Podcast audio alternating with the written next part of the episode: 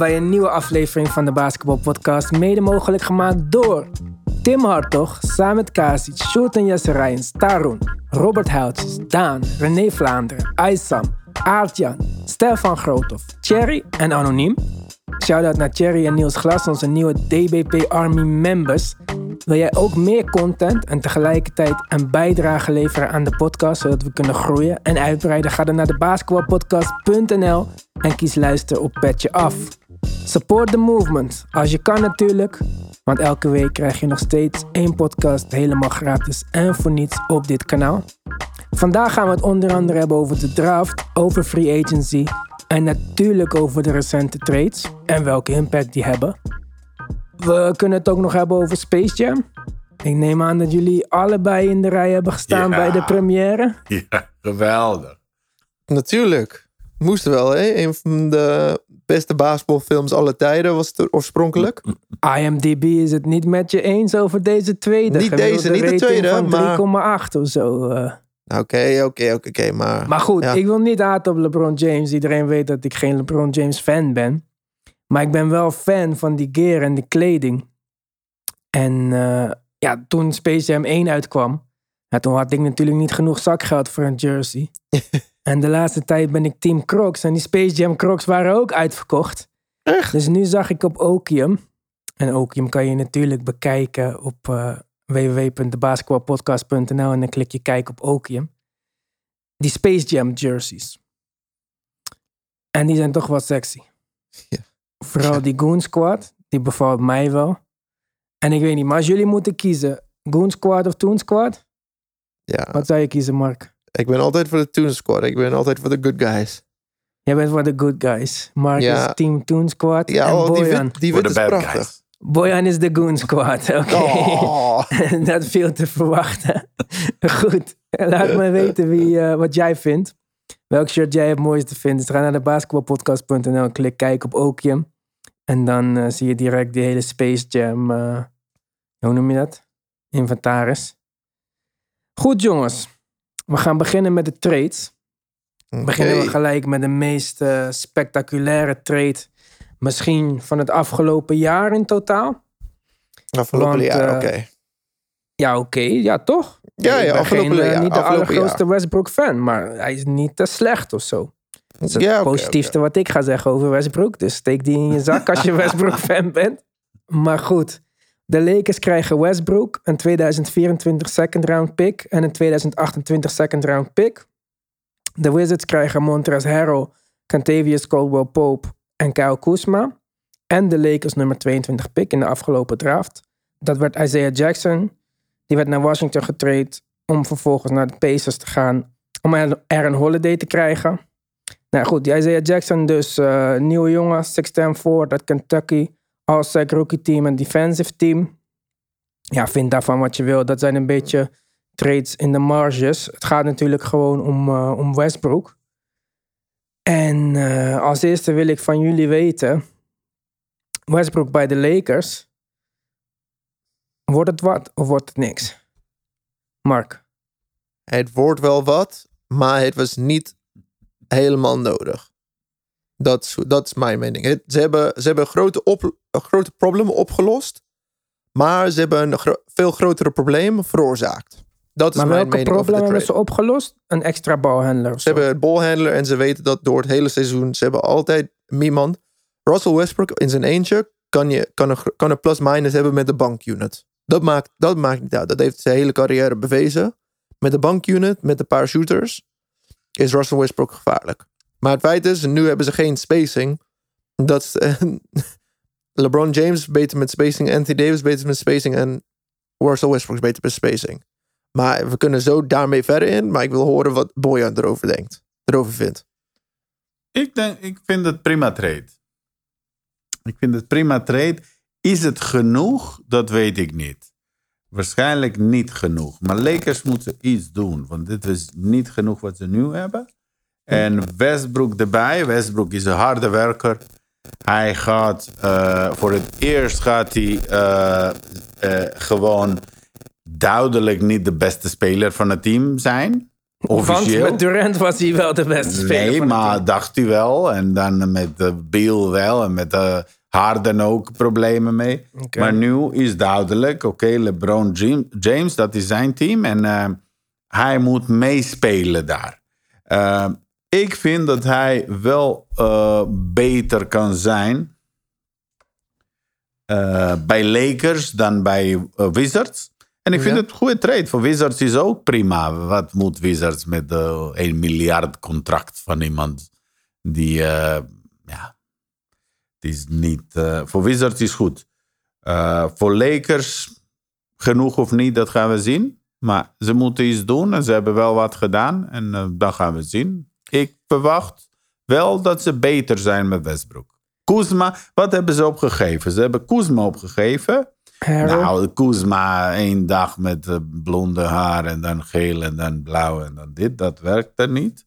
Caldwell Pope, goede werker, maar een eh, mooi schutter. Dat kan je wel vinden goedkoper.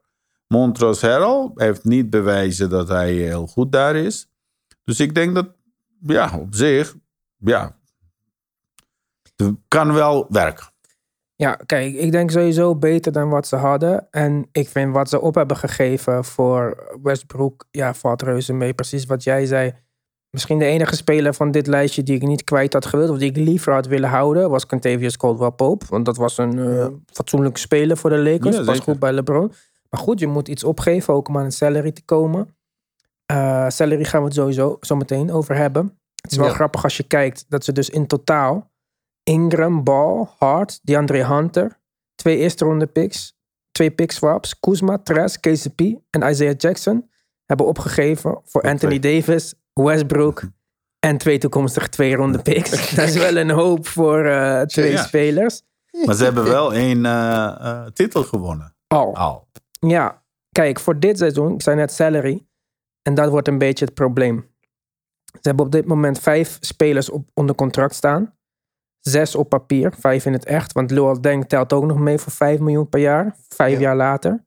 Ze hebben Davis 35 miljoen, Marcus over 2,6. LeBron James 41, McKinney. Die eh, had ik eerlijk gezegd eh, niet onthouden. 1,9 miljoen. Westbrook 44 miljoen.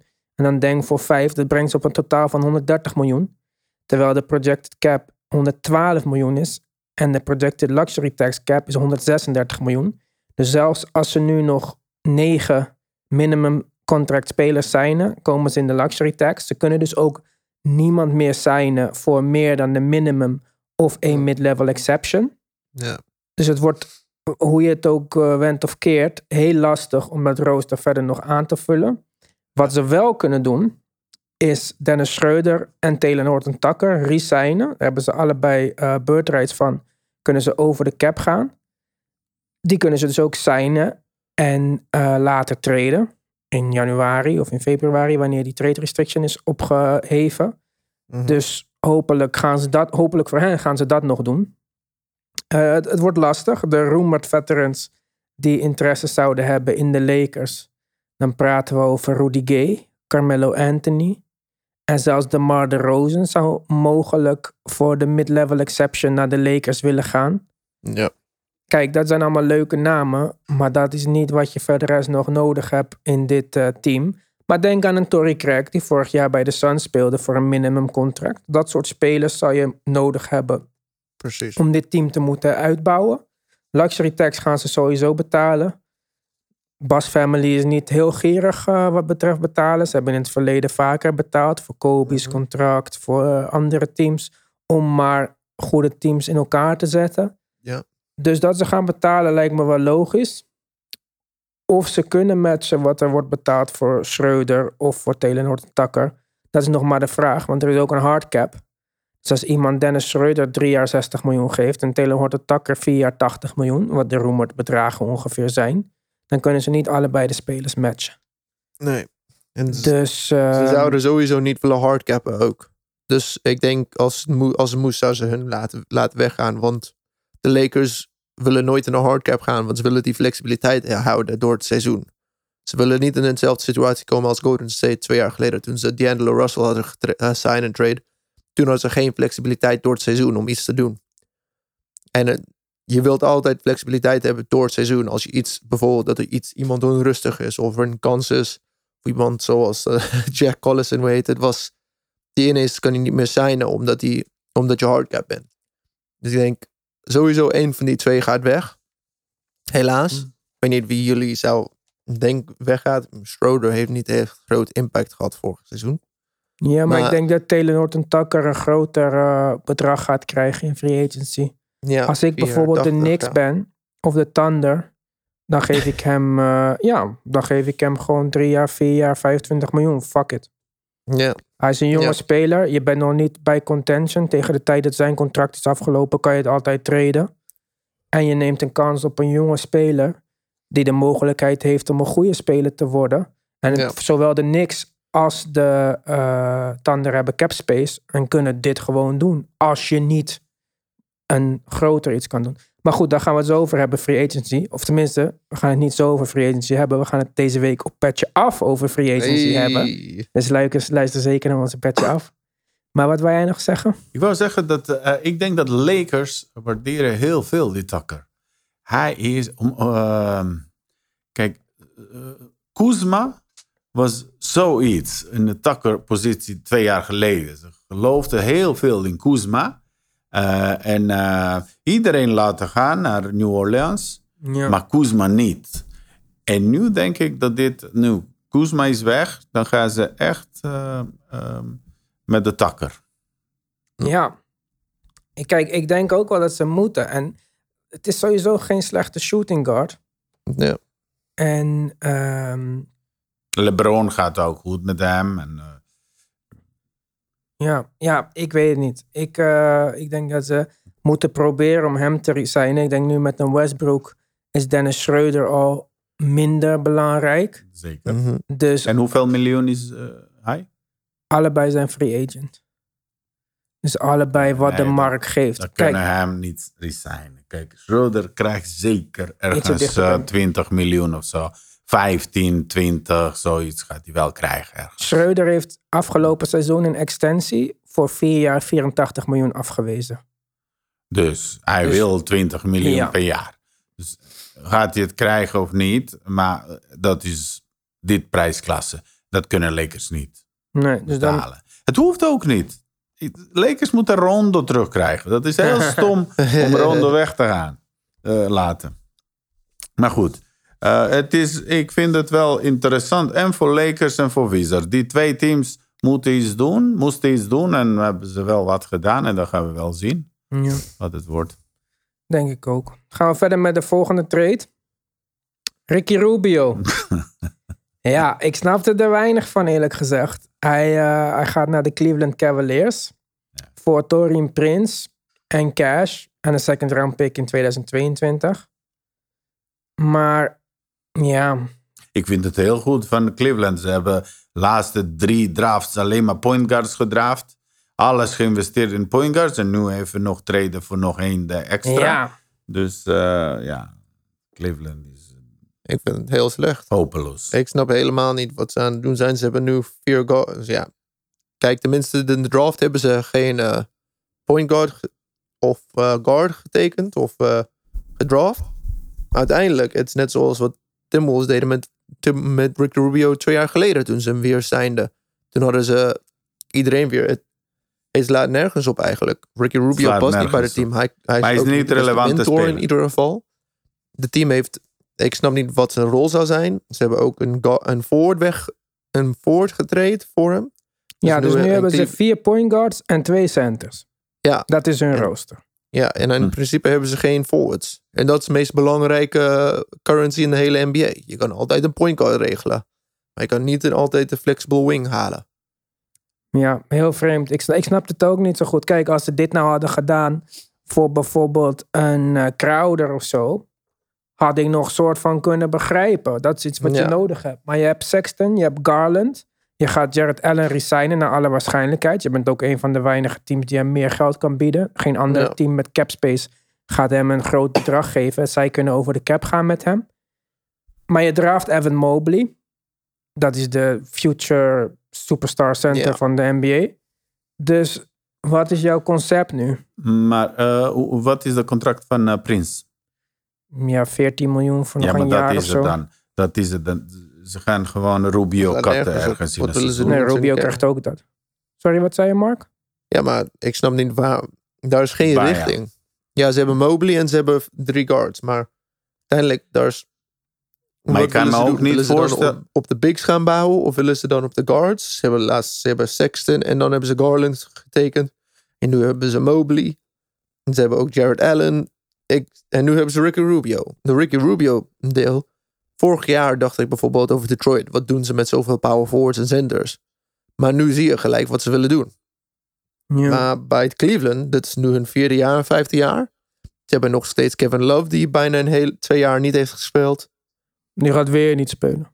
Precies, dus ik snap niet wat, wat precies de bedoeling is. En eh, to- eh, Kobe Altman, dat is de GM als ik me niet vergis. Ja. Sinds hij is overgenomen van David Griffin, het lijkt alsof hij net zo incompetent is. Eerlijk gezegd. Ja. Ja, precies wat je zegt. Eh, ik weet het niet. Ze hebben Chaddy Osman nog.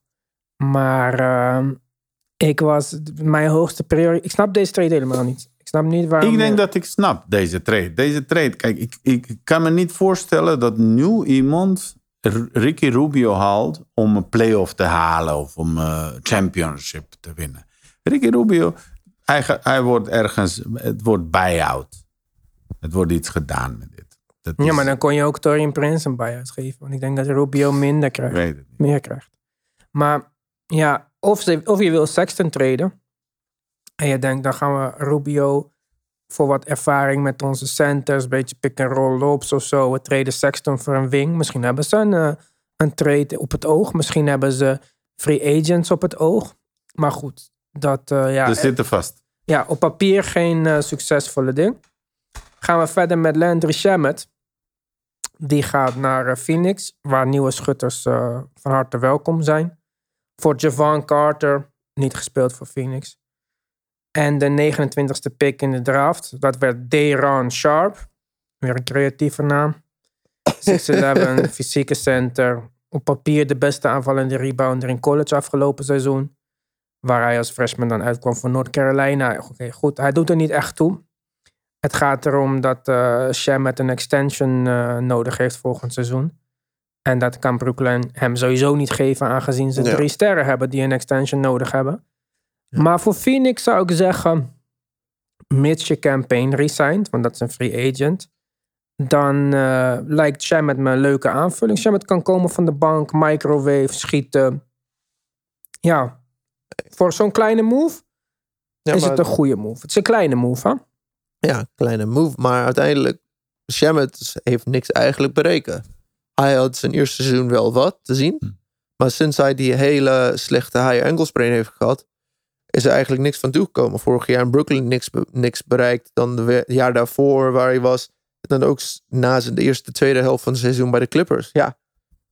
Kijk, uiteindelijk voor Javon Carter en de 90ste pick is het niet heel zoveel. Maar Phoenix eh, had het eigenlijk niet hoeven doen. In principe van Javon Carter is een goede verdedigende guard.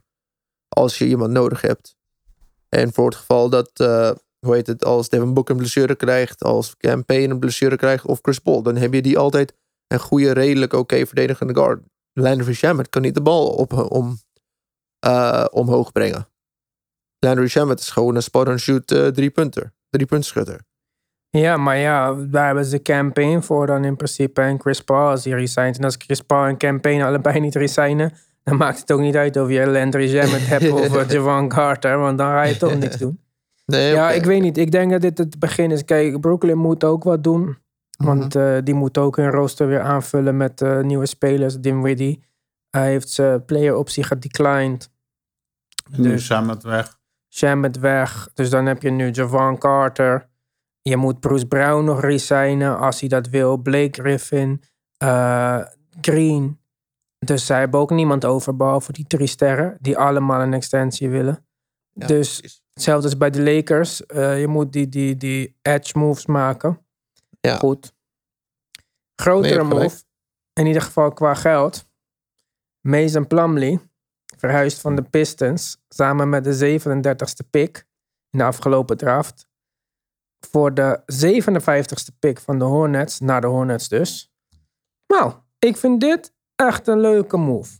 Waarom? Oh. Jij denkt, dit stelt niet zoveel voor. Maar kijk, de Hornets hadden niet zoveel. Ze hadden Biombo daar en zo. Plumlee is een, een nuttige speler. Bij Pistons was hij iets over, ja, overbodig. Of tenminste niet overbodig, maar je hebt die Isaiah Stewart zo en zo daar. Je wilt die veel speeltijd geven. Voor de eh, Hornets is dit een leuke backup center. Misschien is dat al starting center. Kan goede screens. Ik vind het prima. En ehm, die pick swaps, ja oké, leuk. Nummer 37 pick werd JT Thor. Dat is een 6'10 forward uit Auburn. Een van de vijf NCAA Division 1 freshmen met 250 punten, 100 Ja. rebounds en 30 blocks Ja, afgelopen dat seizoen. moeten we zien. nog, die bloks. Ja, we kunnen voor altijd voor iedereen een één mooie statistiek vinden. Maar goed, de nummer 57 picks, pick, dus die nu naar eh, Detroit gaat. Bojan, daar kan jij misschien wat meer over vertellen. Balša Koprivica uit Servië. Zijn vader is Slaviša Koprivica. Speler van de ehm, Euroleague en eh, Champion Partizan. Mijn team. Mhm, Oké. Eh, ja, hij heeft gespeeld met Sasha Djordjevic, met coach van het Servische team. Oké. Ehm, ik ken die jongen niet. Ik weet niet wat hij kan en zo. Maar ja, als je ziet Luka Doncic, vader, zoon. eh, en heel veel van dat soort eh combinaties. Dragic. Dat kan misschien wel wat zijn. Ja, hij, Hoe, hoe, hoe, hoe groot is die jongen? Is, wat positie? hij is center volgens mij, als ik me niet vergis. Center is hij. Ja, misschien kan Mark dit googlen heel Koprivica was snel. niet echt center. Ja. Maar eh, hij was in ieder geval een sophomore voor Florida State. Ja. Ging al op zijn twaalfde naar Amerika om high school te spelen. Hij was lid van het Servië onder 18 team dat goud won bij het 2017 FIBA Europe Mhm. onder 18 kampioenschappen. En eh, Mark, heb jij toevallig zijn positie gevonden? Center. Ja, Ja, 2 meter center. 16. Center is hij. Ja, had ik het toch goed. Gelukkig. Nou, goed. Jong talent. Kijk, dit is een tweede ronde pick. Eh, ja, kijk, eh, Jokic was ook tweede ronde. Ja, oké, dat kan inderdaad. Hij is wel de drie na laatste pick van de hele draft. Dus, eh, en hij heeft in Amerika gespeeld. Het is niet zo dat hij een onbekend talent uit Europa is of zo. Dus ik verwacht hem niet te zien volgend jaar. Hele kleine kans. in Maar die geval. risico voor, om ja, Plumlee te geven voor hem, zou ik wel nemen. En Plumlee, maar niet alleen dat. Je bent ook van Plumlee's contract af. Ja. Dit was merendeels de bedoeling, denk En ik. jij bent de slechtste team in de NBA ook. Ja, met een leuke toekomst. Maar we gaan zo meteen bij de draft daarover praten. toekomst, maar goed. Dat, eh, Pistons waven ook Corey Joseph. Jezus. Ja. Toch niet een super slechte backup point guard, nee, zou je zeker zeggen. niet. Ja, ga naar En Lakers. eh Davidas Servidis. Wie kent hem niet? Ja. Ja, eh, ik, ja, wat ik zei. Ik vind dit geen slechte pick-up voor de Hornets. Zij hebben daarvoor opgegeven een 57ste pick. En niks. Ja. Dus eh, voor hen is het een prima center. Ik vind Plumlee een upgrade over Biombo. ja, sowieso. Mm, Veel beter verdedigend ook. Veel strakker. Hij Minder veel- toekomst? Sorry, Bojan? Minder toekomst. Alleen hij is. Wij Ja. weten wat Plumlee is. Biombo weten we Biombo ook. weten we ook een beetje. ja. Ja, ik vind echt, ik vind Plumlee niet zo slecht. Hè. We praten over een team met LaMelo Ball, met Terry Rozier, met Devante Graham, Gordon Hayward, PJ Washington, Miles Bridges. We hebben geen center nodig met de postgame. We hebben een center nodig die goed verdedigt, harde screens zet en rebounds pakt. Nee, dat klopt. Ja. Eh, die past bij hun nieuwe draft picks. Hij Ja, voor niks, bij hè? hun, Ja. Dus ik vind, ik vind echt niet zo'n slechte move van de Hornets. En waarom de Pistons per se van het geld af willen, dat weet ik niet. Misschien hebben zij een, eh, een plan voor free agency of zo. Maar goed, daar komen we dan eh, van de week op. Op uh, Petje af. Ja. Gaan we verder met de Boston Celtics. Die doen eh, iets veel ingewikkelders. ja. Die stuurde Tristan Thompson Kardashian weg. En daar kregen ze voor terug Chris Dunn, Bruno Fernando en eh, Josh Richardson van de Mavericks. Nou, hoe zat dat precies in elkaar? Thompson gaat, Thompson gaat naar de Sacramento Kings. Van de Sacramento Kings gaat Dylan Wright naar Atlanta. Dan en Fernando gaan van de Hawks naar Boston. En de Celtics krijgen daarin een 2023 second round pick. Richardson kwam van de Mavericks via een trade exception overgebleven van de sign-in trade deal die Gordon Hayward naar de Hornets stuurde in november. En de Mavericks krijgen daarvoor terug center Moses Brown. Mhm. 21 jaar, 7,3 punten per wedstrijd, 7,6 rebounds per wedstrijd in 52 career games bij Portland en Oklahoma City. Niet verkeerd. Eh, leuk allemaal, maar dat betekent ook eh, dat de Mavericks nu terug hebben gekregen voor Seth Curry, Moses Brown. Lijkt me niet echt de beste optie. Wat zoeken de Mavericks in deze free agency? Een schutter. Dus dat eh, achteraf gezien een mislukte trade. Boston krijgt dus best wel een hoop terug. Hebben ze ook nodig, want Rooster zag er niet super uit. Ja. Hun core bestaat natuurlijk uit Tatum en Jalen Brown. Nu aangevuld met eh, Horford. Die Mhm. wel of niet gaat starten en dan wel of niet... Of gaat de backup wordt van Robert Williams. We hebben nu daar Chris Dunn. Goede verdedigende point guard, maar niet eens gespeeld bij Atlanta dit seizoen. Nee. En je moet nu gaan contenden met Boston. Boston ondertussen heeft nog geen eh, point guard. ja. Dus eh, Mark, jij bent de Boston-liefhebber van ons allemaal. Wat eh, gaat Boston doen met dit? Ik hoop dat ze nog iets in de planning hebben qua point guard. Want je zei Corey Joseph is er beschikbaar. Je hebt ook Patty Mills is beschikbaar, technisch gezien. Ja, Paddy Maar- Mills rumor to go to Boston. Precies, maar Chris Rondo. Dunn, ja, dat is geen startende point guard eerlijk gezegd. Dat is een, echt een backup. Dus ik maak me nog steeds zorgen. Ik denk dat Brad Stevens nog mee bezig is met een echte point guard eh, op te zoeken. Chris Dunn is een goede backup. Veel beter dan Jeff Teague die ze vorig jaar hadden. Mhm. in het begin van het seizoen. Eh, je hebt ook nog steeds Marcus Smart die de point kan, eh, kan runnen. Ik zou het niet aanraden, maar hij kan het zeker runnen. Feit is, je hebt Josh Richardson. Dat, is een goede, dat kan een goede backup zijn. Ik snap niet echt hele grote punten. Hij heeft alleen een, een half seizoen, zoals jij vaak zegt, Iwan. Een half seizoen bij Miami echt goed presteert. En verder is het allemaal best matig. Slechtere cijfers bij Miami, slecht, eh, slecht- slechtere cijfers bij de Sixers, slechtere cijfers bij de Mavericks. Hij heeft En je hebt Marcus ooit- Smart, hè, die de Precies. verbeterde versie van Josh Richardson is. Precies, de veel betere 3D-versie is. Maar, dus kijk, ik zie voor wat ze hebben opgegeven. Ze hebben Tristan Thompkins weggegeven. En ze hebben drie spelers en een second round pick. Dus technisch gezien hebben ze veel, meer, eh, veel betere eh depth of eh, squad depth. En ze hebben een extra pick gekregen voor iemand die niet goed presteerde bij hun team. Ik vind het een geslaagde trade, maar ik weet niet hoeveel impact deze drie spelers zal hebben volgend seizoen. Nou ja, ondertussen zijn de onderhandelingen met Evan Fournier al gestaakt. Ja, Fournier wil Ja. 20 miljoen per jaar voor vier jaar, 80 miljoen. Nou. jezus. Good luck with that. Yes. En, eh, maar, positieve kant voor Boston fans, denk ik. Brad Stevens heeft meer gedaan in één maand als GM dan Danny Ainge in de afgelopen drie seizoenen heeft gedaan qua trades en zo. Hij heeft eerst voor Ja. Horford getrade. Hij heeft nu deze trade gemaakt. Thompson was echt compleet nutteloos daar. Ja, Die heeft echt niks gedaan.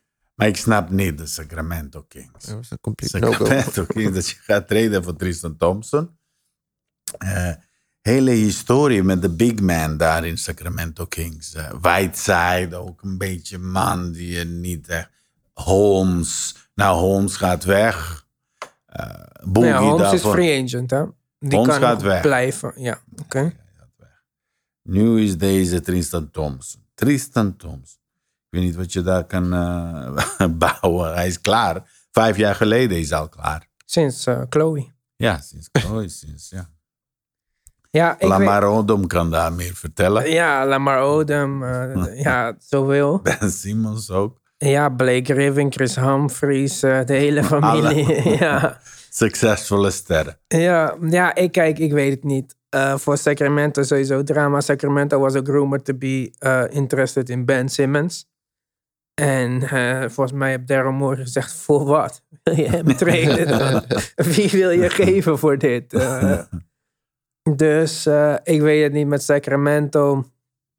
Eh, Sacramento stond op het punt om Buddy Hill te traden naar de Lakers. Voordat de trade met Westbrook doorging. Ja.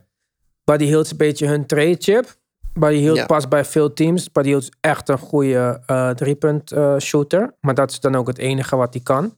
En beslissingen maken is ook niet zijn beste kant. Beste kant. Dus hij moet echt in een team spelen zoals de Lakers. Waarin hij niets anders mag doen dan schieten.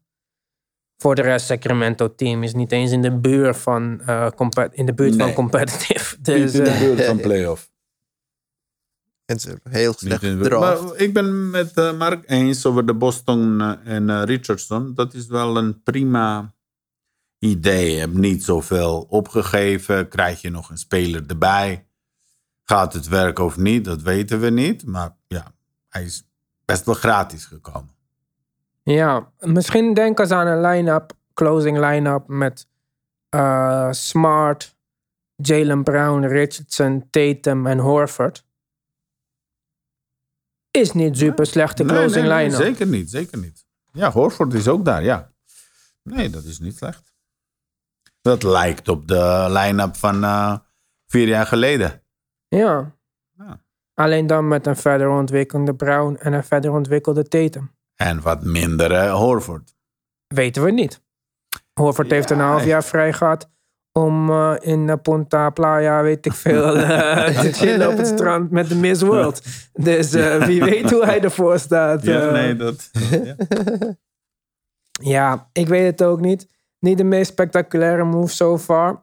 Maar eh, er is toch wel aardig wat gebeurd. En met free agency wat vandaag gaat beginnen, als jullie het horen. Misschien eh, zijn we alweer allemaal achterhaald, maar dan horen we dat deze week eh, wel weer ergens anders. Goed, gaan we verder met de draft. Hoogtepunt van afgelopen week. Toch een paar verrassingen. Ik eh, ga ervan uit dat niet iedereen weet wie deze spelers zijn. Dus we gaan ze ook niet allemaal bespreken. Maar ik ga wel de highlights een beetje opnoemen. Pistons, zoals helemaal verwacht, nemen Kate Cunningham. Combo guard, meer een point guard eigenlijk. Eh, lang voor een point guard. Ja, was de consensus number one pick van deze draft. Ik heb al honderd keer gezegd, en ik zeg het nog één keer voor Wouter. Pistons zijn het team to watch voor de komende jaren. Ik Nooit. zeg niet dat ze contenders zijn, maar ze hebben fantastische jonge spelers. Zijn natuurlijk, kijk, deze jongen is ook weer net in de NBA. Hoe ready is om gelijk te presteren? Dat weet ik niet. Je hebt Killian Hayes die nog wat tijd nodig heeft. Maar als je op het papier kijkt naar hun line-up, die echt ontzettend jong is. Killian Hayes, Kate Cunningham, Sadiq Bey, Jeremy Grant, Isaiah Stewart. Mogen ze Grant nog treden van mij als een contender geïnteresseerd is. Ontzettend jong, maar op elke positie een leuke speler. Ja, behalve Jeremy Grant dan. Ik ben nog steeds groot fan van Killian Hayes. Ik hoop dat hij samen kan spelen met Kate Cunningham. Want allebei hebben de bal nodig om het meest effectief te zijn. Killian om te creëren voor anderen. Kate om te playmaken en eh, in het algemeen kans te veroorzaken. Ja. Maar ik ben zeker niet... Ik, ik zou niemand anders hebben gekozen, denk ik, met een nummer 1 pick. Het was niet voor niks dat hij de consensus number one was. Nummer 2, Jalen Green naar de Rockets. Shooting guard met, ja, de eigenschappen van Kate Cunningham, min het playmaken. Dus die had ik ook niet genomen.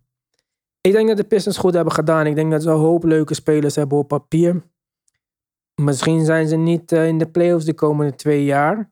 Maar als je kijkt naar jong talent, dan zou ik hen bovenaan zetten in de hele NBA. Wat denk je van Kate Cunningham? Ja, perfect. Echt perfect. Zoals je zei, de playmaker ook. Killian Hayes hebben ze beide grote offense en defensive eh, guards. Je zag gewoon met de Milwaukee Bucks.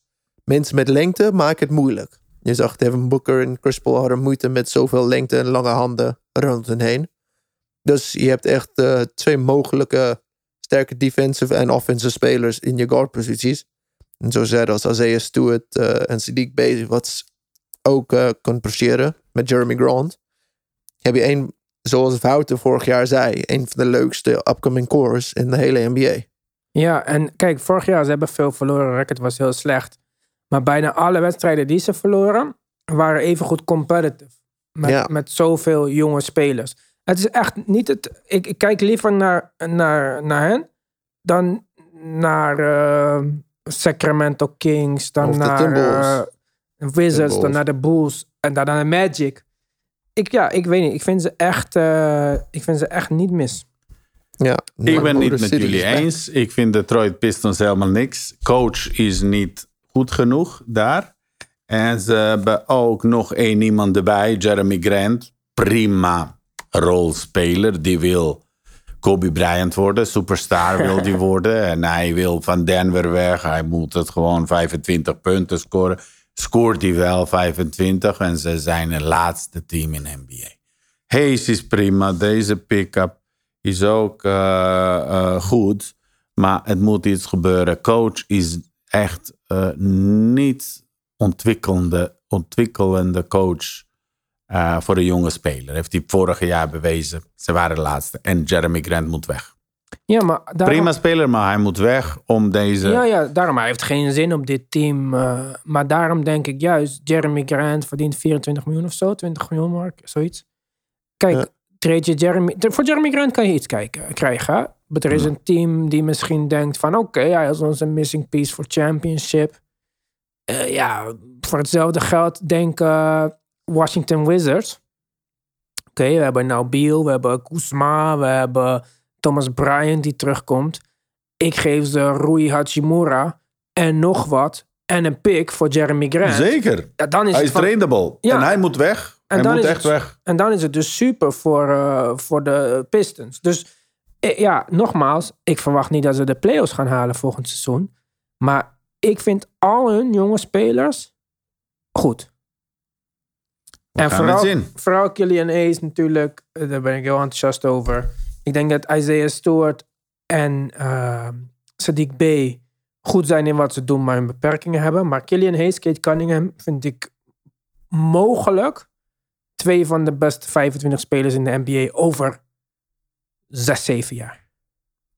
Ja, mogelijk. Ja. Ja, ja, mogelijk. Maar ja, we praten niet hier over, pot- over een playoff team of zo. Het gaat echt over het talent wat ze hebben. Eh, Ivan, we praten over de laatste team in NBA. Het is de laatste team.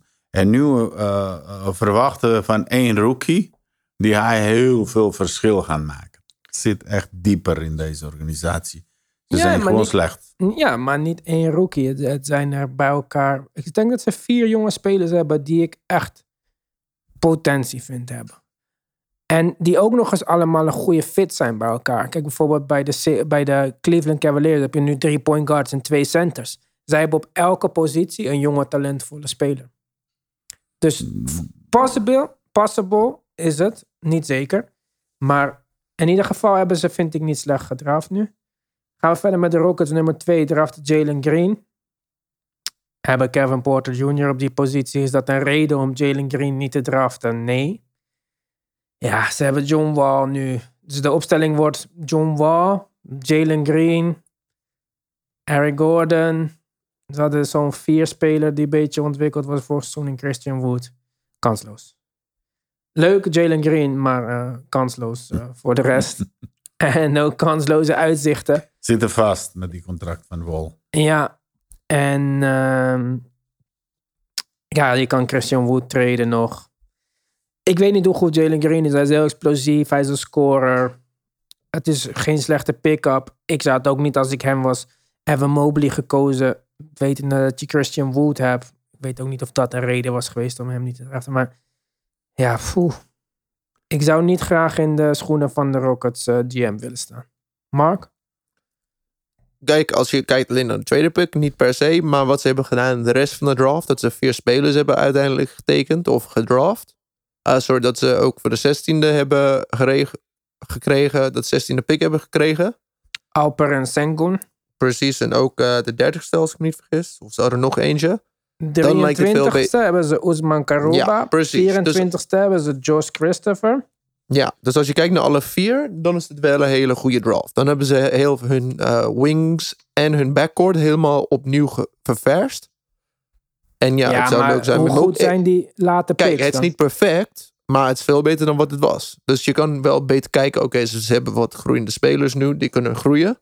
Ze zullen sowieso slecht zijn, maar ze hebben allemaal spelers in posities die beter kan worden. Dus Ze moeten ook wat, hè. Tot nu toe heeft hij James Harden getraind voor vier second round picks zo'n beetje. Dus eh, Precies. Dus ik, ja, ik, ik had persoonlijk Mobley gekozen, maar eh, Jalen Green is ook geen slechte, slechte pick. Maar wat Maar- denk je dan van Kevin Porter Jr.? Zijn we klaar met hem? Want dat zijn twee overlappende spelers. Volledig hetzelfde type. Ja, uiteindelijk de Rockets zijn niet in een in een rush, in een rush te builden. Dus ze willen even hun tijd nemen. En ik denk Tot het beste is dat sowieso eh, gaat is. als tweede beginnen. En dan eh, minuten van Kevin Porter dan langzaam aan de hand eh, af, af nee, of eh, opeten. Als hij, het, eh, als, hij de, als hij de minuten eh, ja, waardeert. Als hij de minuten eh, heeft, eh, ja, hoe zeg je dat? If he earns the minutes. Maar hoe, als we praten over eh, volgend jaar is weer trouwens play-in. Dat blijft voorlopig in de NBA. Ja. Denk je dat Rockets kans maken op play-in? Nee. Geen Nee. kans. Niet in deze West. Maar dat is toch fucking kansloos dan? Dat is, Hang Ja. vanaf. dat is Hang vanaf waar je zit. Zij zijn niet in de winning modus. Maar ze zijn beter Ja, maar dan ze zijn ook niet in asset collection modus, want ze hebben geen assets. Ja, dat klopt. Ja, kijk, ik verwacht Ja, nou dit- dat ze dit jaar ook de eh, Gordon gaan treden. Want dat werkt ook niet. Waarom? Gordon is eh, een goede speler. Je kan, ook, je kan Gordon ergens gebruiken van de bank. Is heel Eh, maar niet voor, eh, voor Rockets. Ja, geen toekomst eh, komende jaar voor Rockets. Goed. Ja, ik vind het ook. Sluiten we daarmee af. Cavaliers die draften Evan Mobley. Want ja, die hadden nog maar net getraind voor Jared Allen. Die ze gaan resignen. Dus nu hebben ze twee centers. En met Ricky Rubio, Garland en Sexton drie guards. En Kevin Love. Ja, kijk, Evan Mobley was samen met Kate Cunningham de, de top van de draft. Twee van de meest eh, echte, eh, hoe noem het, franchise-spelers. Eh, ik heb Evan Mobley, ik heb alle spelers geprobeerd een beetje te bekijken. En natuurlijk zijn highlights op YouTube, maar tot, tot daaraan toe vertrouw, betrouwbaar. Evan Mobley is een center. Een dunne center. Zijn lichaam is niet NBA ready. Zijn skills, ja. Ik, Cavaliers is niet NBA ready. Oh, ik, ik, ik weet het niet. Ik, ik heb echt gekeken naar hem. En iedereen was super high on hem. Het was echt Kate Cunningham, Evan Mobley. Maar als je die highlights kijkt. Ik heb dus, nadat ik zijn highlights zag, dacht ik... Oké, wie is een recente hoge draft pick als center? En dat was DeAndre Ayton. Dus heb ik DeAndre Ayton highlights vergeleken met hem. Vond ik dat DeAndre Ayton verder was, in ieder geval in college, dan Evan Mobley. Evan Mobley wat betere handen, misschien wat betere paser, maar zijn lichaam veel minder NBA-ready en hij is ook iets kleiner. Dus ja, ik, ik ben niet de draft-expert en ik ben niet de college-speler-expert, maar ik, eh, ik zag het niet in Evan Mobley helemaal. Maar hoe ik het zie is, hij, lijkt veel meer op. Als jullie eh, highlights van Chris Bosh kijkt in zijn eerste jaar, in zijn laatste jaar in college, hij lijkt veel meer op dat. En Chris, Chris Bosh in de eerste drie jaar in Toronto was niet echt bijzonder. Je zag pas in zijn vierde jaar was hij begon hij echt, echt stappen te maken. Toen was hij echt aan het bulken. En ik zie het meer in diezelfde richting. En Chris Bosh be- begon wel echt een eh, razend goede speler te worden voor zijn bloodclots. Maar Hmm. vind je dan een verstandig idee om, je, om hem als power forward te spelen naast Jared Allen bijvoorbeeld? Eh, ik denk dat hij wel kan redden. Hij is zo, hij is, hij is best, hij is, hij heeft echt elite defensive mogelijkheden. Of eh maar Jared Allen ook. capabilities. Ja, precies. Maar Jared Allen kan gaat niet als, Kevin als Love vier doen? spelen. Maar ja, precies. Wat gaat Kevin Love doen dan? Ja, spelen hoop ik, als het kan. Dat moet, dat moeten, ze, ze kunnen niet ervan uitgaan dat Kevin Love gaat spelen. Maar twee dus dan heb je twee guards van 6 foot en een power Ja. forward en een center van 7 foot. Ja, en dan heb je eh, Kevin Love als je drie. Ja, maar ik vind het echt, ja. Kijk, ik zeg niet dat ze Scotty Barnes hadden moeten draften. Nee. Maar, en ook eigenlijk, misschien, ja, misschien als ik hen was, had ik naar beneden getraind en Jonathan Kaminga gedraft. Aangezien zij nergens heen gaan, dan heb je iemand met een hoge upside en een prospect. Maar ze gaan echt helemaal niks doen. Ze gaan ook niet eh, hoog komen. Ja, ik, eh, ik snap deze pick niet echt. Maar misschien is Allen niet een lange termijn denking. Misschien denken ze dat Mobley veel beter zal zijn. Ze moeten binnenkort Allen veel betalen. Gaan ze doen. Dus misschien, mis- hoe weet je dat zeker? Misschien als Mobley Hmm. dit jaar echt goed presteert, gaan ze geen extension geven of eh nee, nee, hij moet van nu eh, contract krijgen. Is hij een free agent nu? Ja. Oh ja, klopt, klopt. Je hebt gelijk. Dus ze gaan hem geven. Dat is tenminste 90% zeker, laten we zeggen. Ja. Dus Ja. hij gaat sowieso 20 miljoen krijgen. Dan heb je echt een groot probleem. Ja, dan heb ik, je al ik weet niet. 45 Nog, miljoen in hem en Kevin Love. Al. ik had eh getraind voor Jonathan Kaminga en een pick of zo. Niet, eh, of je moet zo erg geloven in Evan Mobley, maar kan zijn dat ik het niet goed heb gezien. Maar ik weet niet. Maar dit is echt een team ook waar ik geen enkele mogelijkheden voor zie. Niet optimistisch over de Cavaliers. Ze Ja, doen al jaren niet Ik denk hij zal heel veel kunnen betekenen voor de Cavs als eh, defensive anchor. Oké. Eh, Kevin Love is niet tradable. ook. Ik denk dat niemand... eh, ja. ja, niet voor 125 iedereen praat Ja. over... Ja, moet, Kevin Love moet getraind worden. Maar wie bijt op Kevin Love nou? Wat heeft Kevin Love gedaan in de laatste twee... In de laatste drie, vier jaar? Rockets. De John Wall voor Kevin Love. ja, ja over- dat is wat je kan krijgen. Zoiets, ja, ja. Ja, ja. Slecht voor slecht contract. Maar nee, dat is. het team zit vast. eh, heeft. eh, future players zijn twee point guards. De rest is niks. Oké, Allen erbij gekregen Voor gratis. voor gratis. Het is niet. is prima speler, maar je moet nog een beetje wat extra. Het is niet een ready team. Nou, we zijn heel positief. Niet echt. Zowel Rockets Niet als over Cavaliers. Ja. Goed, gaan we door met de nummer 4. Dat zijn de Raptors. Grootste verrassing, zo vroeg in de draft. Iedereen dacht dat ze 100% Jalen Suggs gingen draften. Eh, als vervanger voor uh, Kyle Lowry. Kyle Lowry free agent. Dus Jalen Suggs was uitstekend geweest naast Van Vliet, naast Ananobi, naast Siakam. En wie draften ze? Scotty Barnes. High upside player. Ehm, met een lage vloer. Zelfde type als Siakam. Dus wat betekent dit voor Siakam? Ja, eh, begreep ik ook weer niks van. Eh, Mark heeft het vaak gehad over Masai Ujiri, dat hij nog geen contract extension heeft getekend. getekend. Is wel de GM die al deze moves moet uitvoeren en over twee maanden kan zeggen adios. Ja. Ja, eh, ik, ik ga ervan uit dat ze niet Kyle Lowry gaan resignen. Dus ik snap dit team helemaal niet. Van Fleet, Gary Trent Jr. is eh, eh, free agent. Maar dan Van Fleet, Gary Trent Jr., Ananobi, Siakam. Ik ben meer positief over Raptors keuze. Waarom? Ja, kijk, eh, Van Vliet is de eigenlijk vervangende speler voor Kyle Lowry. Ja. Dit is de toekomst. Lowry, ja, hij is nog niet weg. Lowry is nog steeds daar. En eh, Siakam, ja, ze hebben nu andere eh, Siakam-achtige speler gekregen. Maar Siakam is, wat is Siakam? Drie, vier of small five? Hij kan spelen eh, drie posities. Ehm, dus elke andere goede speler naast Siakam, dat gaat werken. En maar wat denken jullie bijvoorbeeld? Ik doe even snel een mogelijkheid, hè?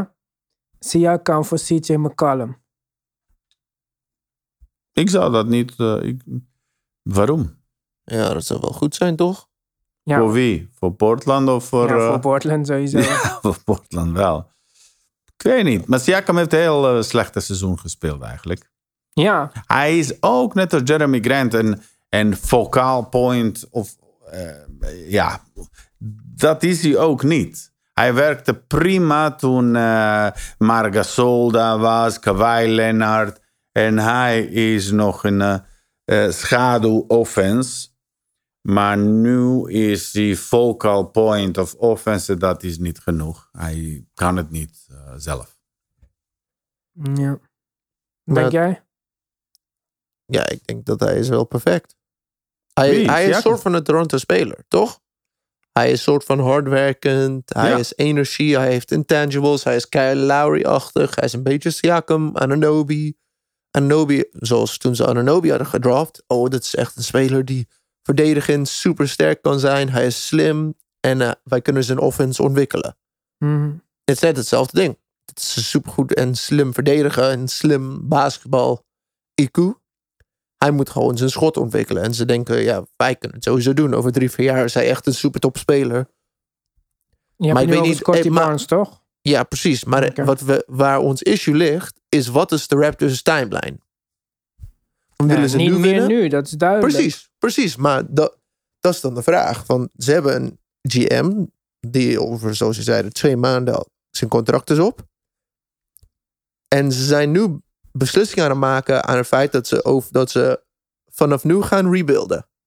Of retoolen. Mhm. Dus wat het feit is dan, dan past ook Siakam er niet bij in. Alleen Ananobi en niet eens van, en misschien Van Vliet past erin. Dat is drie mensen waar je niet mee gaan winnen. Of als top drie spelers niet een kampioenschap gaan winnen. Dus ik maak me een beetje zorgen over Toronto. Hij is wel een goede, goede speler, energie. Maar niet voor een team die wilt herbouwen. Want dit is niet een speler die je kan zeggen... dit zal top 3 speler zijn in de NBA finales.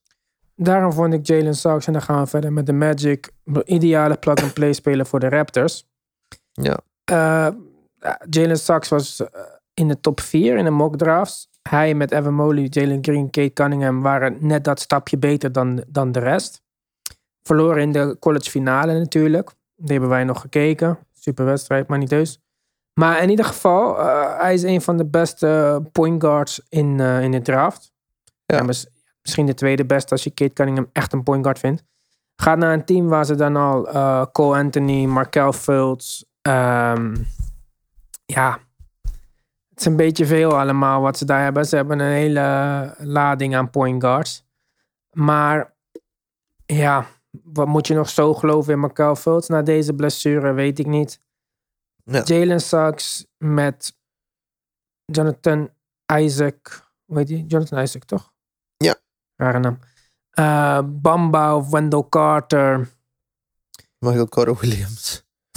Ja, ik weet het niet. Eh, Magic sowieso ook een van die kansloze teams. Dus daarom ook, kijk, ik, ik was over de Pistons eh, positief. Maar de Rockets, Cavaliers, Raptors en Magic. Ze reden dat ze natuurlijk zo hoog in deze draft zijn. En dat omdat ze al jaren niks doen met hun leven. Ja, Maar ik denk dat ze wel een beetje mazzel hebben dat ze Jalen Suggs hebben. Ik denk niet dat ze nog een keer Scotty Barnes hadden moeten draften. Dat had wel gepast bij de Magic. Hè? Lekker zo'n eh, soort van small forward, power forward center van eh Die 7 kan foot schieten. wingspan en dat soort dingen. Ja. Maar ehm, ja, ik denk dat ze blij moeten zijn met Suggs.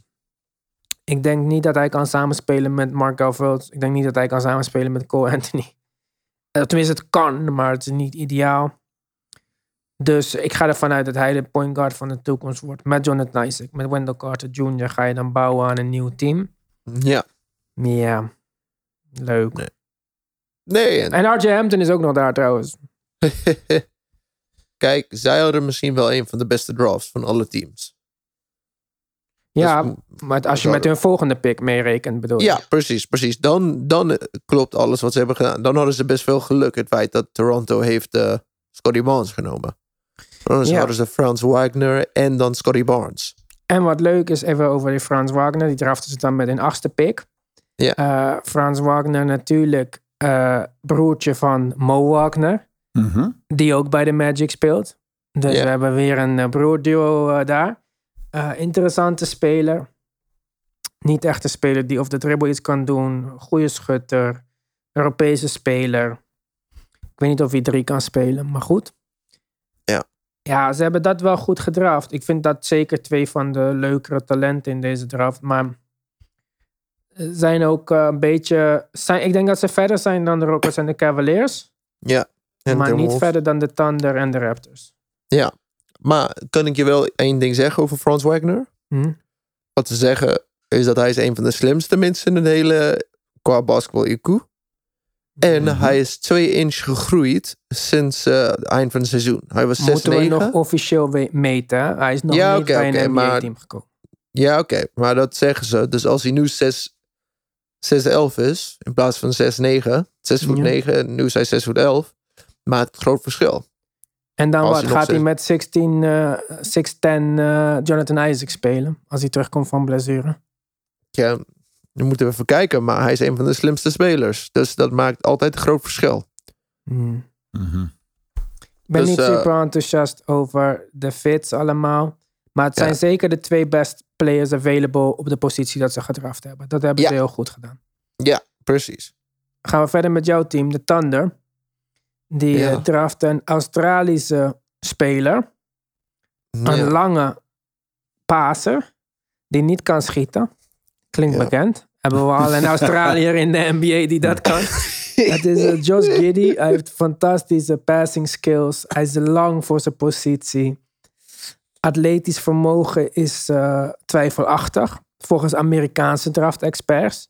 Maar dan moet je ook beseffen dat Amerikaanse draft-experts vinden het atletisch vermogen van uh, Luka Doncic en zo ook twijfelachtig voordat ze naar de draft kwamen. Dus atletisch vermogen is niet alles. Hij is een slimme paser. Twijfelachtig schot. In ieder geval twijfelachtig of het gaat vertalen naar de NBA. Ja, leuke speler. High upside. Hele lage vloer. Dus uh, ja, de tanden kunnen zo'n risico nemen. Aangezien ze niet win-now mode zijn. Ze hebben SGA, ze hebben Dort. Uh, ze hebben Kemba zelfs. Dus, ja. um, en ze hebben nog uh, 85 miljoen picks de komende jaren. Dus waarom niet een kans nemen op iemand die mogelijk heel bijzonder kan worden?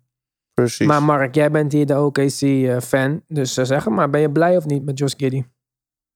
Uh, ja, niet heel blij, maar... Wie had jij liever gezien? Ik had sowieso Frans Wagner hier gezien. Oké. Okay. Doe maar ja, iets, iets dat we niet hebben. Ja, doe maar iets. Je moet iemand die jou naar voren brengt, heel snel. Dit is meer een hoop. Ik, ik geloof wel in Sam Presti, maar van wat ik weet, je wilt gelijk naar voren gaan. Want je wilt zorgen dat Shea blij, blij blijft. Want dat is jouw superster speler, toch? Mm -hmm. En ik wil niet dat Shea over twee jaar zegt: Kom op, jongens. Ik, zit nu, ik ben nu 25, 26. Het is tijd om iets te doen. Ja, maar hoe dus, goed vind je Shea dan? Vind, want kijk, je praat nu over Shea alsof hij de nieuwe Anthony Davis, Zion Williamson is. Maar is hij echt dat level? Vorig seizoen, toen hij speelde, was hij echt ongelooflijk. To the rim was hij een van de meest efficiënte. Hij, hij, was een van de beste uh, by the rim spelers in de hele NBA. Maar is hij een in... possible top 15 speler in de NBA? Ja, denk ik wel. Oké. Okay. Ik ben fan van Shea, maar ik weet dat niet. Ja, ik vind deze ja, we, ja, we hebben hem alleen, ik heb hem alleen eigenlijk een helft van het seizoen vorig jaar gezien.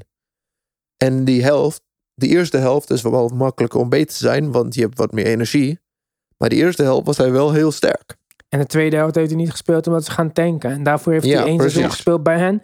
En een half seizoen of zo bij de, bij de Clippers. Ik vind het een beetje precies. veel om te zeggen dat hij zeker weet de future is. Kan ook helemaal wel zo zijn, hè? maar precies, ik ben daar niet zeker van.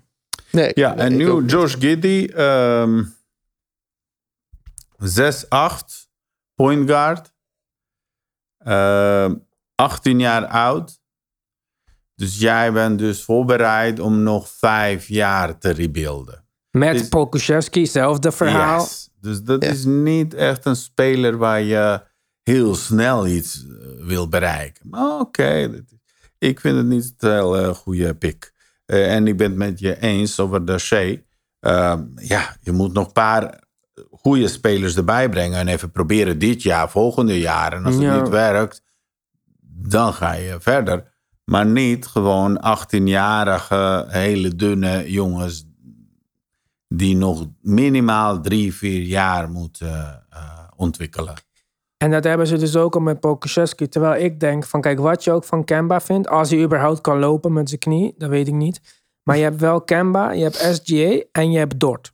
Dat vind ik ja. drie spelers die goed genoeg zijn ja, om te starten in de NBA. Fantastisch, ja. Geweldig. Dus je ja. kan ook deze zesde pick gebruiken om een trade te maken. Kijk, stel je voor dat zij Jeremy Grant halen. Dan heb je Kemba Walker, SGA Dort, Jeremy Grant. Hey. Playoff contender. Nou ben je playoff contender. En ik snap het dat over de lange termijn deze jongen misschien super gaat worden. En dan ben je misschien nog beter. Maar waar praten we over? Over, over hoeveel, wat is de termijn dan? Ik snap dit rebuilden. En misschien is dit trust the process 2.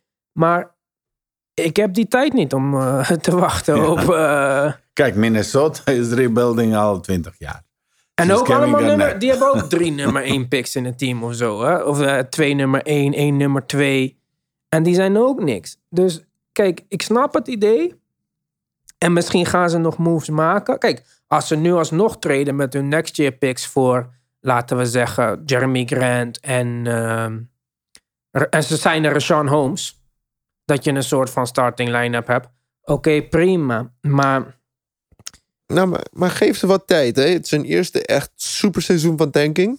Ja, maar die eerste Sorry. was... Nee, dat zeg je elke nee, keer. Maar ja, die eerste maar... was ook zo bedoeld. Alleen Chris Paul kwam en bracht ze naar de playoffs. Maar dat was ook bedoeld om te tanken.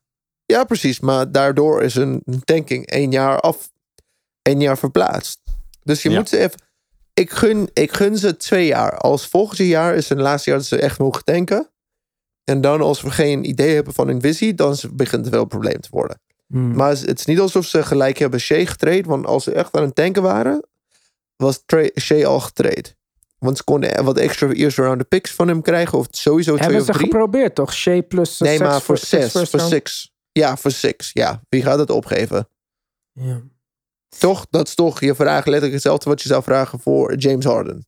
ja. Dus het soort van zeggen het wel mogelijk. Gewoon omdat, we, want als je zes first round picks voor Shea kan krijgen, zou je het niet doen? Ik wel. Ja, precies. Maar dat is anders. Maar ik zou, Als- nee, trouwens niet. Als ik, als ik ook LKC was, is mijn interesse niet in picks. Ik heb, eh, ik heb alle picks die ik nodig heb. Hoeveel zijn het er? 30 of zo? Dit is Ja. echt eh, is genoeg. Ik heb genoeg picks. Ja, Ja. Ik, eh, ik moet ook een keertje een beetje gaan spelen. En ik vind dat zij zijn echt... Zij kunnen van elk jaar twee picks ruilen. Hebben ze er nog twee over. En een beetje spelers bij elkaar krijgen. Ja. En wat ga je met Kemba doen? Dit wordt, dus, dit wordt nou derde jaar op rij. Chris Paul, Al Horford, Kemba. Dat je een project gaat doen. Maar ik denk niet dat Kemba... Net als Chris Paul en... eh, en Horford nog echt tradebaar is. Ik heb Kemba niet gezien de afgelopen twee jaar met zijn knieën. Die jongen verdient 40 Ja. miljoen of zo. Ik weet Ja. niet of dit zo tradebaar is. Nee, nee. Zeker niet perfect. Maar je moet... wa- Ik gun Sam Presti als een van de beste GM's Ja, in de hele gun, NBA. gun. Maar wat Nee, nee, nee, nee, nee. Hij heeft het bewezen. Hij is geen Sam Hinkie. Hij is geen wat eh, de 76ers hadden. Hij is geen...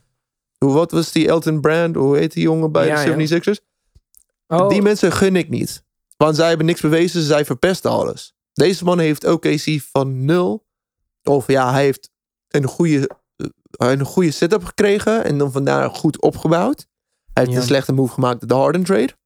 Maar sinds die tijd heeft hij de hele OKC-systeem volgehouden. En ze zitten nu zelfs in een sterke positie waar ze hopelijk volgend jaar grote stappen kunnen maken. En vanuit daar een contender weer kan worden.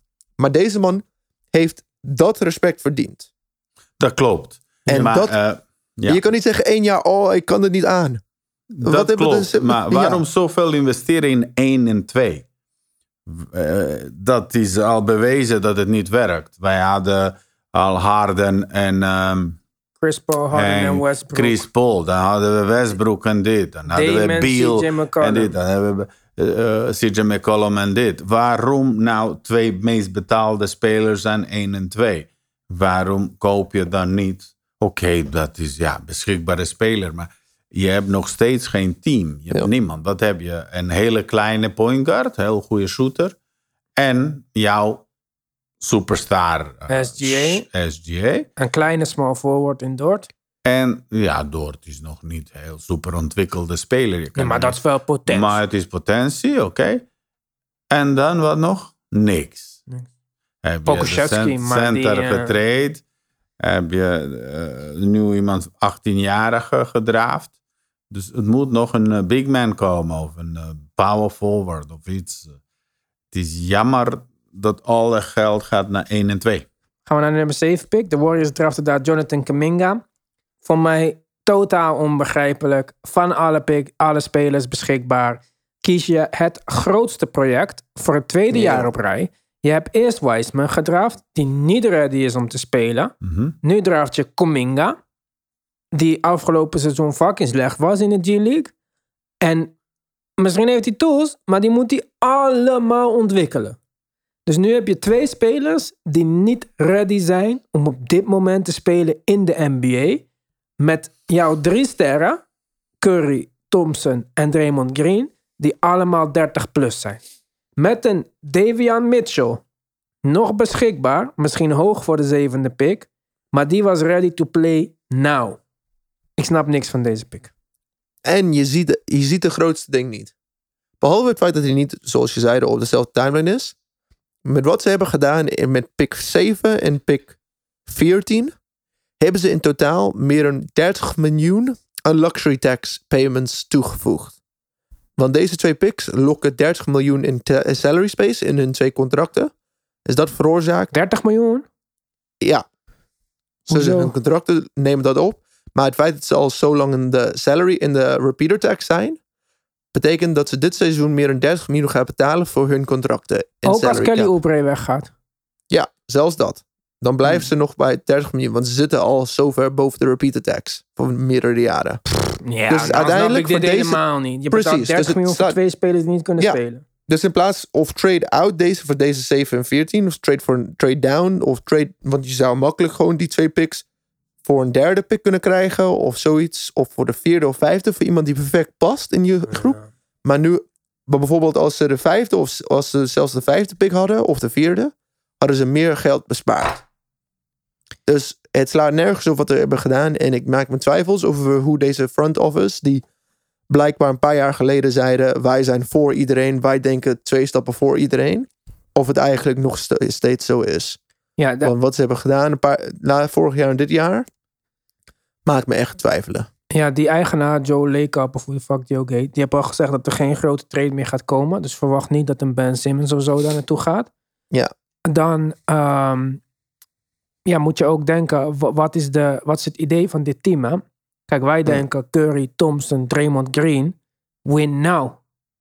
Misschien denken zij, laten we stadions vullen totdat we weer competitive zijn met onze nieuwe jonge core in Kuminga, Wiseman en de volgende jonge spelers. Misschien zijn zij tevreden met wat ze hebben gedaan met Curry, Thompson en Green. Hm. Die drie spelen al eh, twee, drie jaar niet samen, toch? Mhm. Die, ehm, of Draymond is geblesseerd, of Curry is Of geblesseerd, Clay. of Clay nu anderhalf jaar. Dus ja, ik denk dat ze willen zien hoe ver ze zijn met deze drie. En Wiggins, vergeet En- Wiggins niet. En Wiggins en, en eh, nog die, hoe heet die van ehm, Wizards? Oubre, Oubre, maar die is free agent. die is free agent. Dus die gaan ze ook niet resignen. Denk het niet. Misschien zijn een trade iets. Mhm. Ik geloof in eh, Warriors. Warriors zijn slim. Ja, zoals eh, jij zei, Mark, bij eh, OKC met Presti. We moeten Warriors wel het voordeel van de twijfel geven. Want Ja. tot nu toe hebben ze het ook waargemaakt, toch? Met Draymond grafte in de 30s. Steph hebben ze genomen. Zesde. Clay was geen top 10 pick volgens mij. Wiseman ook goede pick. Ja, weet ik niet, Boyan. Jawel, jawel. Kijk, Het is wel makkelijk als je zo ver in de luxury tax mag zijn elke jaar. Dat is wel waar. Ja, OKC zit wel een beetje te spelen. Zij hebben één jaar boven de luxury tax geweest. maar Waarom hebben ze dan elk seizoen 50 40 miljoen per jaar extra. aan Westbrook gegeven als ze zo bang zijn van luxury tax? Ja. Ja, ik, eh, om eh, over de Warriors even af te maken. Onlogische pick voor mij. Zelfs Frans Wagner was een logischere pick geweest voor mij. Ehm, ja, ik, eh, ik zou niet weten waarom je Jonathan Kuminga draft. Om zijn defensive skills. Je hebt met Draymond al geen shooter. Ja. Geloof- ja, ik, weet, ik weet het echt. Maar goed, laten we verder gaan. Magic hadden dus Frans Wagner gedraft. Gaan we naar nummer 9, naar de Kings. Die draften Davian Mitchell. Vorig jaar de titel gewonnen. Al wat ouder. NBA ready, zeker. Undersized guard. Ja. Perfect geweest voor de Warriors. Eh, perfect geweest voor eh, heel veel andere teams. Een van de meest ready-to-play spelers in de hele draft. En de Kings draften hem, want met Halliburton, Fox en Buddy Hield had je nog niet genoeg kleine guards.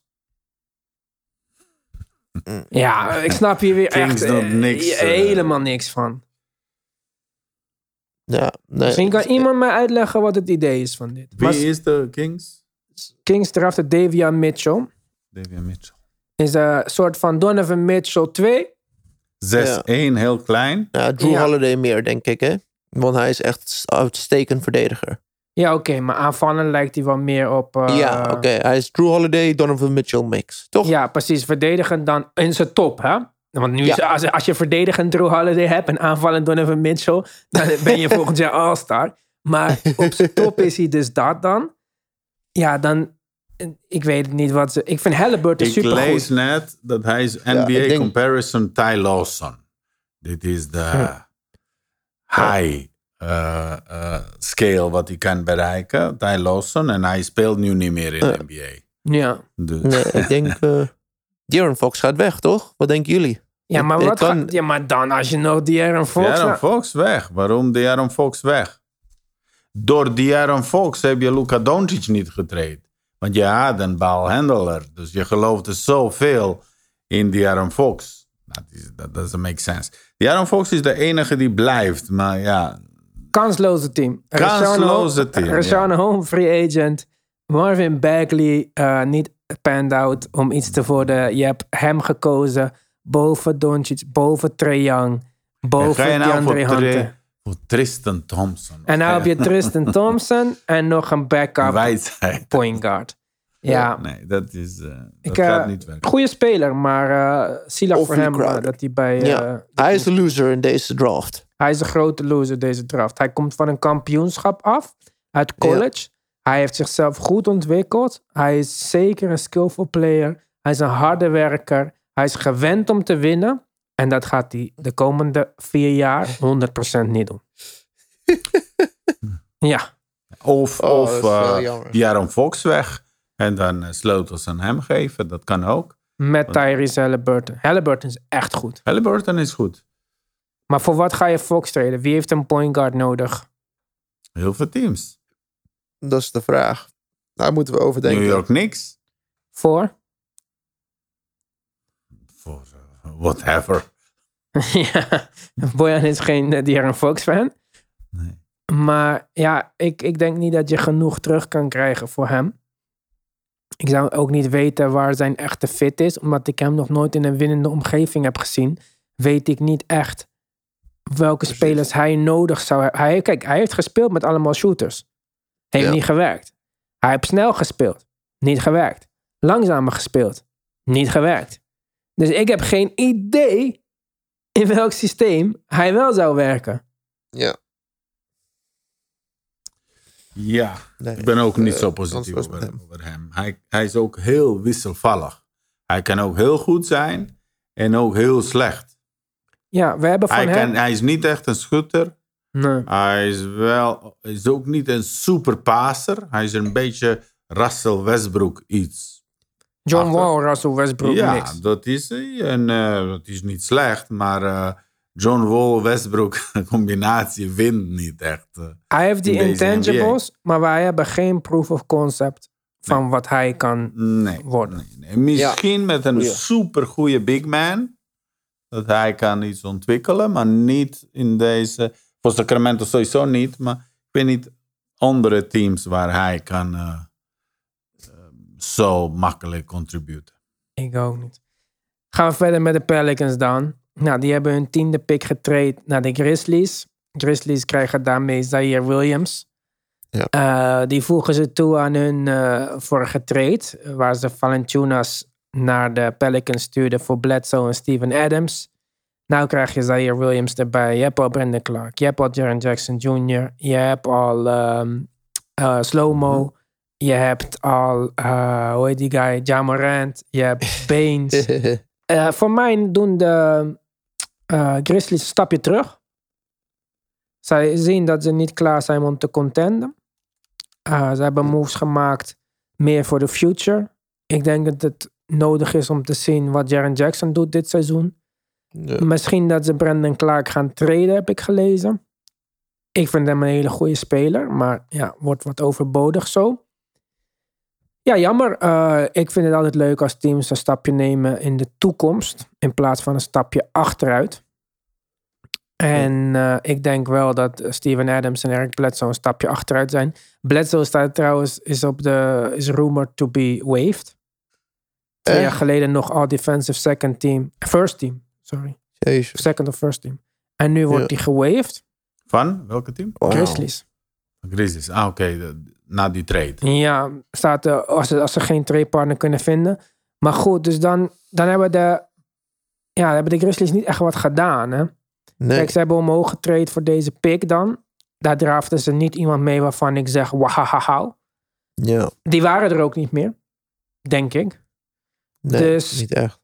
Ja, ik, ehm, Nee, weet het het is niet We praten Nee. over Grizzlies of eh Pelicans? we praten over de Grizzlies. Want de nummer 10 pick, die tot de Pelicans behoorde, is, gedraft, is ge- getraind naar de Grizzlies.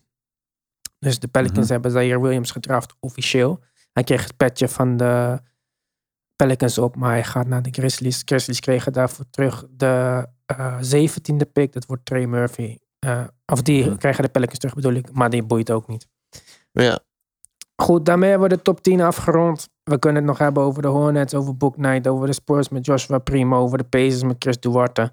Maar deze spelers, met alle respect voor hen, momenteel doen er niet toe. Eh, de upside eh, is er, maar zowel Book Knight als Primo, ik weet ja, het niet. je weet het niet. De Spurs 12. Ze vinden Kawhi Leonard op 15. eh, Parker op eh, 30 en Ginobili op 60. Deze speler ja. stond niet in de top 15 Nee? van geen enkele mock draft. Kijk, deze spelers zijn, zijn eh, voor mij buiten kans dat ze iets worden. Natuurlijk zit er altijd een Antetokounmpo, een Kawhi, een Draymond Green, een Jokic, een la la la buiten de top Inderdaad. 10. Mhm. En dat kunnen ze allemaal worden, maar dat kan nummer 10 tot en met 30 nog worden. Alleen daar kunnen we gewoon nu niet over zeggen, omdat die spelers dat nog niet hebben laten zien. Precies. Dus dat is dan ook een beetje zinloos voor, on- voor ons om daar verder over te praten. Wij zitten al op 1 uur 15 minuten ongeveer. Langer zelfs. Dus dat is de podcast voor deze week. We gaan een petje af eh, verder. Dan gaan we praten over de free agency van het free agency seizoen, wat aankomende is. Ehm, ja, dat is eh, altijd mijn favoriete ding eigenlijk. Een beetje speculeren over wie, wat, hoe, wat, waar. Dus eh, ik hoop dat wij jullie dan terugzien op petje af. En dan eh, hadden we eigenlijk al gezegd dat jij eh, corona hebt, Mark, of niet? Nee, nee. Oh, Mark heeft corona, dus we hopen dat hij er nog is volgende week. Nee, grapje hoor. Even afkloppen dat snel. Maar daarom is hij ook niet hier bij ons. Maar hij zei via de laptop. We doen dit ook met een experimentele setup. Dus ik hoop dat, dat dit allemaal gaat werken als ik het moet mixen. Maar eh, ja, jongens. Eh, luister vooral naar Petje Af als je de kans krijgt. Ga naar www.basketbalpodcast.nl. Kies luister op Petje Af. En als je kan, support the movement. Wij waarderen het heel erg. We gaan leuke dingen doen van de zomer. En eh, ja, mede mogelijk gemaakt. Eigenlijk alleen mogelijk gemaakt door ons DBP Army. Voor vandaag zeg ik dankjewel voor het luisteren. En tot de volgende keer. Tot snel. Bentar.